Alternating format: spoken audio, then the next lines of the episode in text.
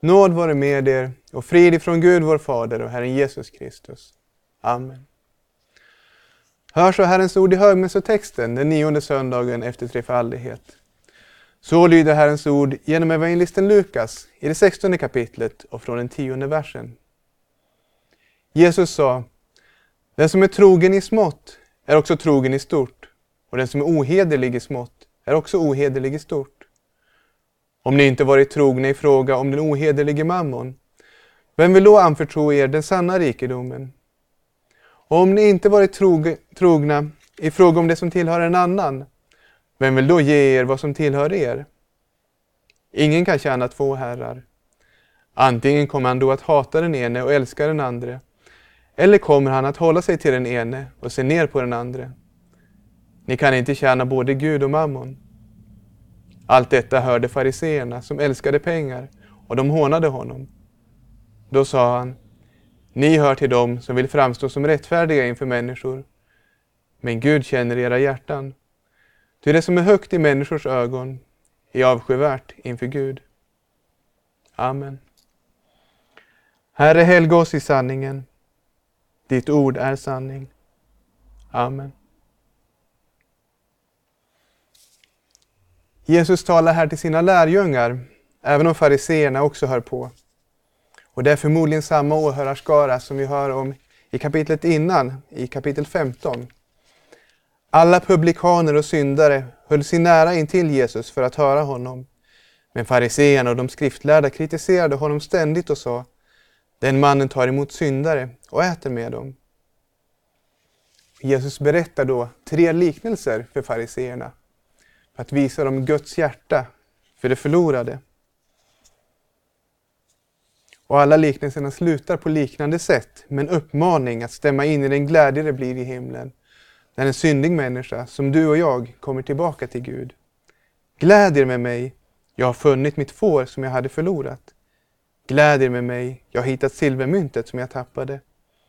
Men nu måste vi ha fest och glädja oss, ty denne din bror var död men har fått liv igen. Han var förlorad men är återfunnen.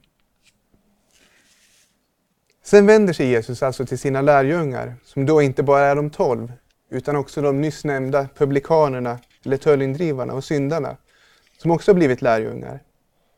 Och så berättar han för dem om en ohederlig förvaltare. Förvaltaren blir anklagad för förskingring. Och när han därför inte kan stanna kvar i sin tjänst, för han kan tydligen inte ge något svar på anklagelsen, när han inte kan stanna kvar så vill han säkra sin framtid. Innan han lämnar sin tjänst så kallar han därför till sig de som står i skuld till hans arbetsgivare och så skriver de tillsammans ner skulden. Genom att göra dem den här tjänsten, och det handlar om stora summor, så räknar han med att de i gengäld ska ta emot honom i sina hem. Så kan han leva utan att arbeta, för han orkar inte arbeta fysiskt. Han använder pengarna som han förvaltar, som inte är hans egna, för sina egna syften. Precis som han tidigare gjorde när han förskingrade egendomen. Även om det bland Jesu åhörare kanske inte fanns någon som hade gjort just på detta sätt, så kunde de säkert känna igen sig i förvaltarens sätt att tänka. Att konsekvent och målinriktat låta saker och ting tjäna ens egna syften så hade många av de här människorna levt, vissa ganska öppet, med sig själva i främsta rummet istället för Gud och medmänniskan. Hur skulle de nu leva? Jesus lär dem att fortsätta att tänka konsekvent och målinriktat, men med ett annat mål i sikte. Istället för att tjäna det förgängliga ska de nu använda sina tillgångar för Guds rike och de eviga boningarna. Alltså tänka på människors eviga väl att de ska få vara med Gud i härligheten för alltid. Nu står de i gudstjänst för att leva för Gud och sina medmänniskor. När de nu fått ett nytt liv med Gud så finns det säkert saker som väcker frågetecken hos dem. Hur ska jag kunna leva som ett Guds barn bland mina gamla vänner? Kan jag gå i kyrkan på söndag medan jag lever som mina gamla vänner under veckan? Eller omvänt. Jag skulle vilja tjäna Gud hela tiden, men hur ska jag kunna göra det? Jag har ett vanligt arbete som inte är särskilt andligt. Hur ska jag göra för att verkligen kunna tjäna Gud? Eller om jag inte har något arbete, hur känner jag då Gud i vardagen? Jesus säger idag, den som är trogen i smått är också trogen i stort. Och den som är ohederlig i smått är också ohederlig i stort. Det är som att han säger, det som du tycker är ett litet sammanhang är viktigt för Gud. Det är där Gud har satt dig. Var trogen Gud där du är. Vi har alla olika relationer, familj, vänner, grannar, klass eller kurskamrater, arbetskamrater och så vidare. Var trogen mot Gud i de relationer du är i. Var en god vän, en god förälder, son eller dotter. Vi har alla olika vardagliga sysslor där vi på olika sätt kan vara trogna mot Gud. Martin Luther skriver om detta i den stora katekesen när han förklarar det fjärde budet om att hedra våra föräldrar, som också innefattar överheten och arbetsgivarna. Att om vi bara kunde förstå hur Gud gläder sig över att vi håller det här budet, istället för alla de gärningar som människor själva väljer ut och ser som heliga, som att gå i kloster eller vallfärda. Han skriver om man kunde få de stackars människorna att förstå detta skulle varje enkel tjänarinna ta glädjesprång och tacka Gud. Hon skulle förstå att hennes vanliga anständiga arbete kan ge henne en skatt som ingen av dem som anses höra till de heliga äger, förutom att arbetet ger henne mat och lön. Visst vore det fantastiskt att veta att det dagliga arbetet i hemmet är mer värt än alla munkars helighet och stränga levnadssätt. Munkarna däremot, som hittar på goda gärningar som ser större ut i många människors ögon, de har ingen befallning från Gud att göra dessa gärningar. De kan därför inte räkna med att Gud ser med välbehag på vad de gör.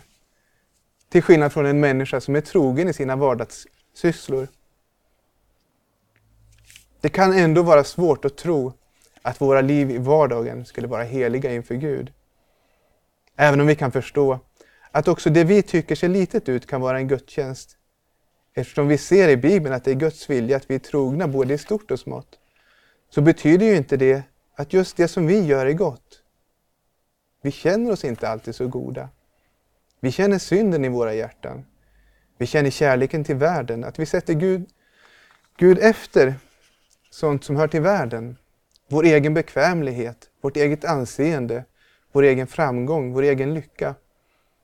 Även om jag till det yttre gör det som är rätt, så finns det en ond vilja i mitt hjärta. Kan då min tjänst vara helig inför Gud?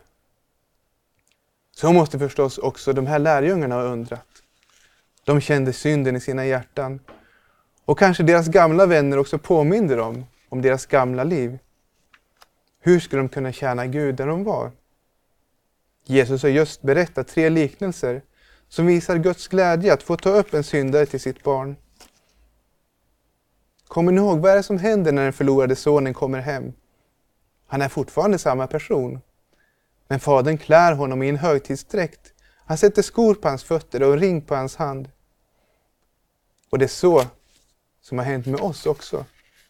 Gud har klätt oss i Kristi rättfärdighet och han har försäkrat oss om att vi är mottagna och att festen står dukad just för oss i himlen. Alla ni som har blivit döpta till Kristus har blivit iklädda Kristus. Är du döpt? Lita då på att Kristi rättfärdighet, den gäller dig. Och vi får räkna med att också dessa lärjungar var döpta och fick lära sig att lita på Kristi rättfärdighet som tillräknas dem. Och då kan man leva det nya livet. I tron att Gud ser oss som rättfärdiga för Kristi skull. Den som inte visste av synd honom har Gud i vårt ställe gjort till synd, för att vi i honom skulle stå som rättfärdiga inför Gud. Och vårt dop är en särskild hjälp att påminna oss om detta. Paulus skriver, vi som har dött bort från synden, hur skulle vi kunna fortsätta att leva i den? Eller vet ni inte att vi alla som blivit döpta till Kristus Jesus har blivit döpta till hans död? Vi är alltså genom dopet till döden begravda med honom för att också vi ska leva det nya livet. Det nya livet handlar om att arbeta för den sanna rikedomen.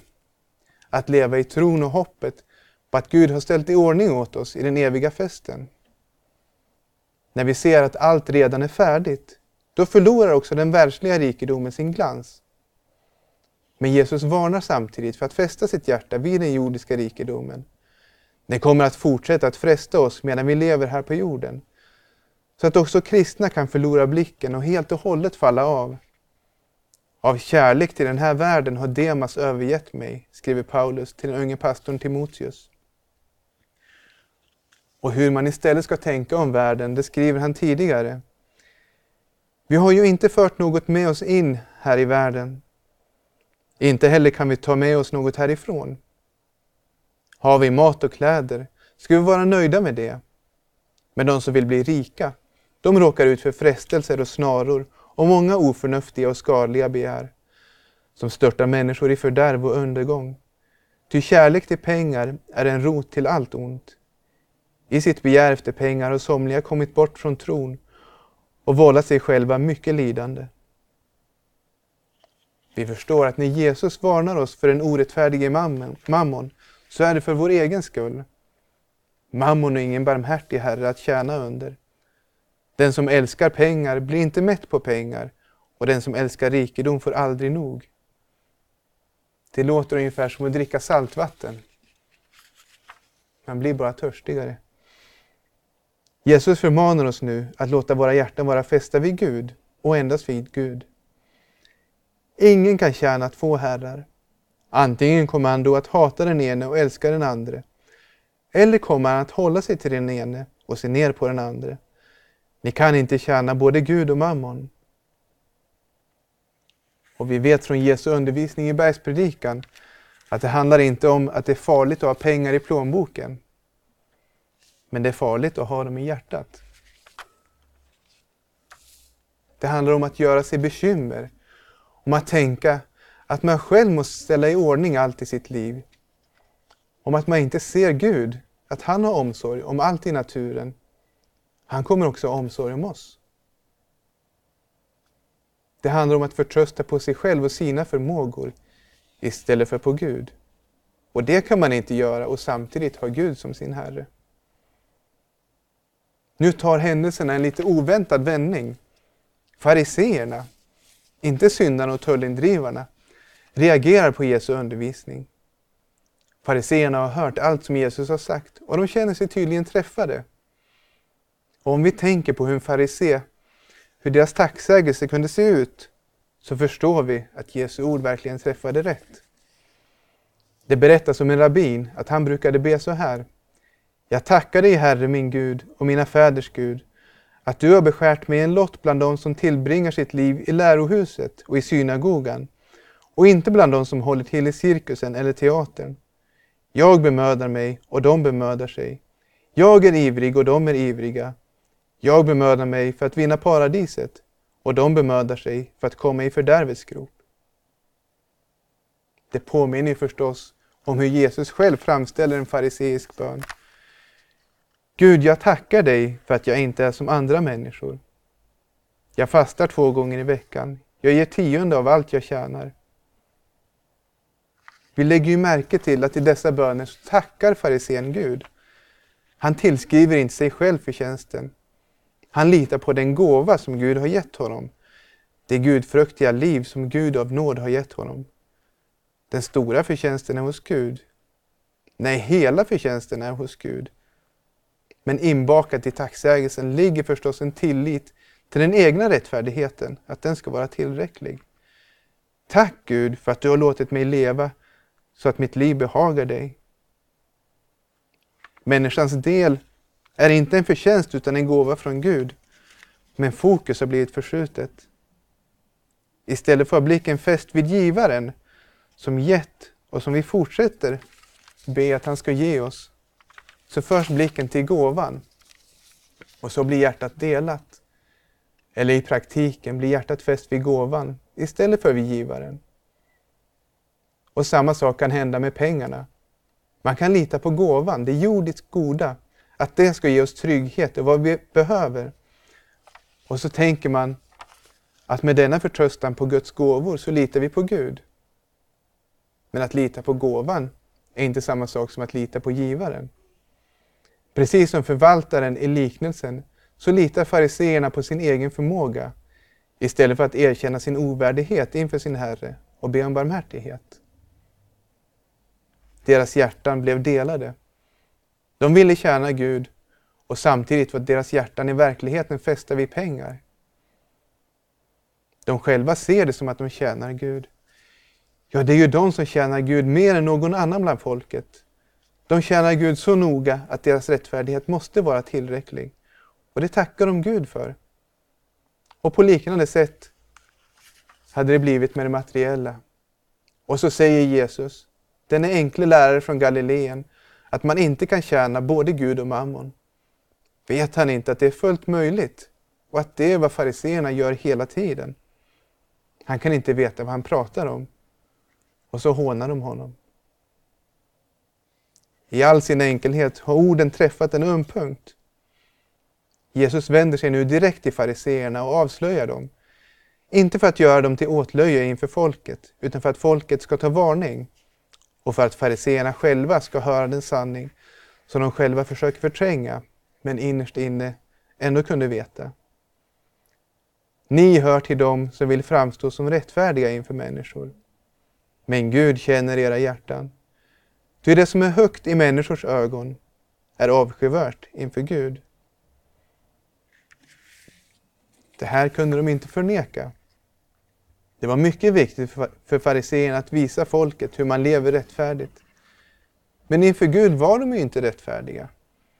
Vad spelar det då för roll vad människor tänker? Och ändå kan också vi som kristna vända upp och ner på det hela. Vad ska människor tänka om mig? kan bli en viktigare fråga också för oss.